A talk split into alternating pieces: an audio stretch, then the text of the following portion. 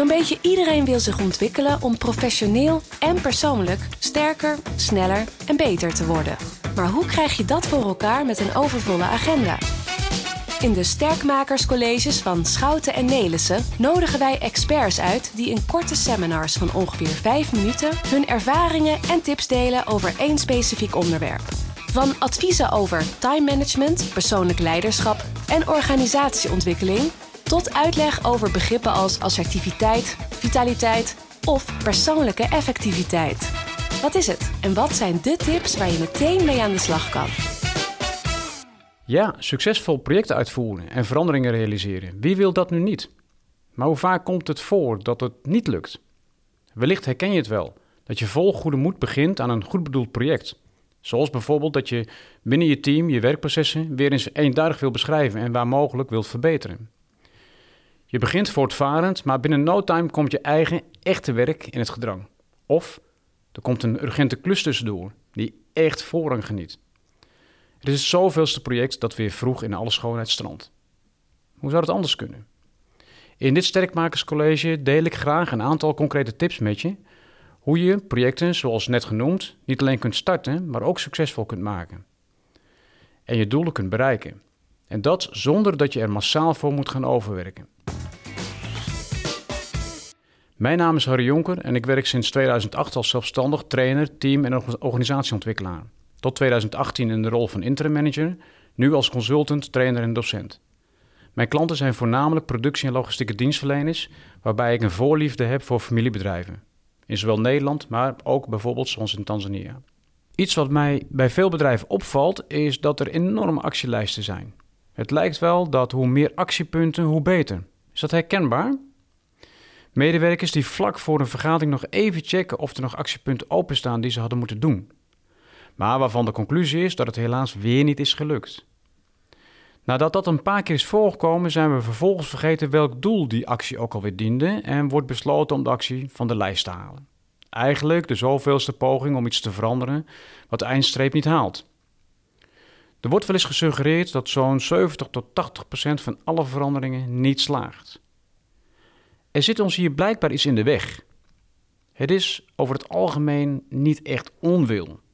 We doen het meestal niet met opzet. Maar hoe dan? Hoe kunnen we ervoor zorgen dat acties wel worden uitgevoerd? Hoe zorg je er dan voor dat je niet bij die 80% komt te horen? Voor mij persoonlijk is dat ook een flinke zoektocht geweest. Ik had technische bedrijfskunde aan de KMA gestudeerd en in 2014 mijn Lean Six Sigma Black Belt gehaald. En toch liep ook ik vaker vast dan me lief was. Hoe kon dat toch? Ik bedoel, de getallen spraken boekdelen en de voorgestelde oplossingen waren logisch en duidelijk, toch? Tijdens mijn zoektocht en in het onderzoek dat ik heb uitgevoerd werd me duidelijk dat het helaas niet maar één oorzaak had, maar vele. Eén oorzaak is dat de plannen en acties vaak veel te groot gemaakt worden. Zo groot dat het niet zomaar naast je toch al drukke baan past. Om die oorzaak aan te pakken zijn er eigenlijk maar drie tips die ik met je zou willen delen. En de eerste daarvan, en Stephen Covey noemt het eigenlijk al bij zijn Seven Habits of Highly Effective People, begin met het einde voor ogen. Zorg dat je een gedeeld beeld van de toekomst creëert. Ga met elkaar, wie het ook is, om tafel om te bespreken wat het eigenlijk het doel is van wat je wil bereiken. Die waarom moet zo ongelooflijk sterk zijn dat je je daaraan kunt vastklampen.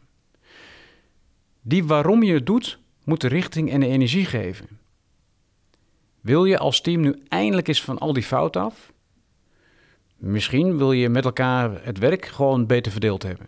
Of willen jullie als team wel gewoon het beste team van de organisatie zijn. Maar als je met elkaar niet weet waarom je het zou willen doen, dan kun je beter maar gelijk stoppen. Anders gebeurt het vroeg of laat toch wel. De tweede tip die ik met je wil delen. Hak dat grootste beeld in mootjes en doe het een paar keer. Begin daarbij met een doelsituatie die je over 6 tot 8 weken gerealiseerd wilt hebben.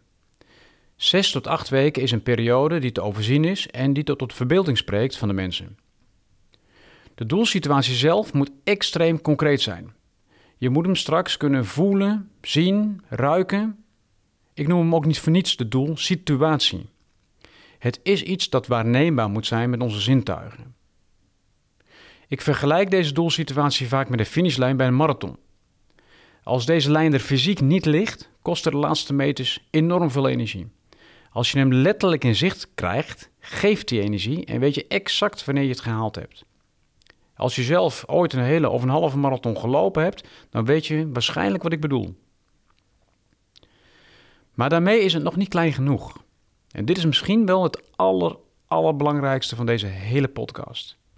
Je gaat één actie of experimentje definiëren. Die maak je zo enorm klein dat er geen enkel excuus kan zijn om het vandaag niet te doen. Al is het maar een actie van vijf minuten. Doe het. Als je leidinggevende bent, is het van cruciaal belang dat je snapt hoe het werkt en wat er van jou wordt verwacht. Jou adviseer ik het artikel The Power of Small Wins uit 2011 te lezen. Dat is gepubliceerd in Harvard Business Review. De derde en laatste tip: maak er een dagelijkse routine van en vier je successen. Je brein vaart er wel bij. Je brein werkt veel efficiënter als het routinematig kan functioneren. Het kost je ook veel minder energie. Maak dus een routine van je mini-acties. Het probleem is echter dat het aanleren van een nieuwe routine of het afleren van een oudere niet zo eenvoudig is. Koppel daarom een nieuwe routine aan een bestaande en je brein zal het gemakkelijker als routine opnemen.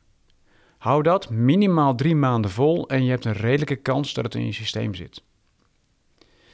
Als je daarnaast regelmatig bij je successen stilstaat en deze viert, trakteer je je eigen brein op een shop dopamine, het gelukshormoon waar je brein maar geen genoeg van kan krijgen en waardoor het gemakkelijker wordt om het vol te houden.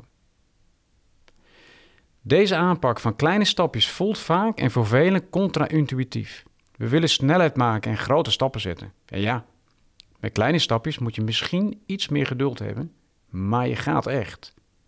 En uiteindelijk ben je met kleine stappen sneller dan met grote stappen die uiteindelijk nooit gezet worden. Een geweldige methode die hierop geënt is, is de Toyota Kata, beschreven door Mike Rother.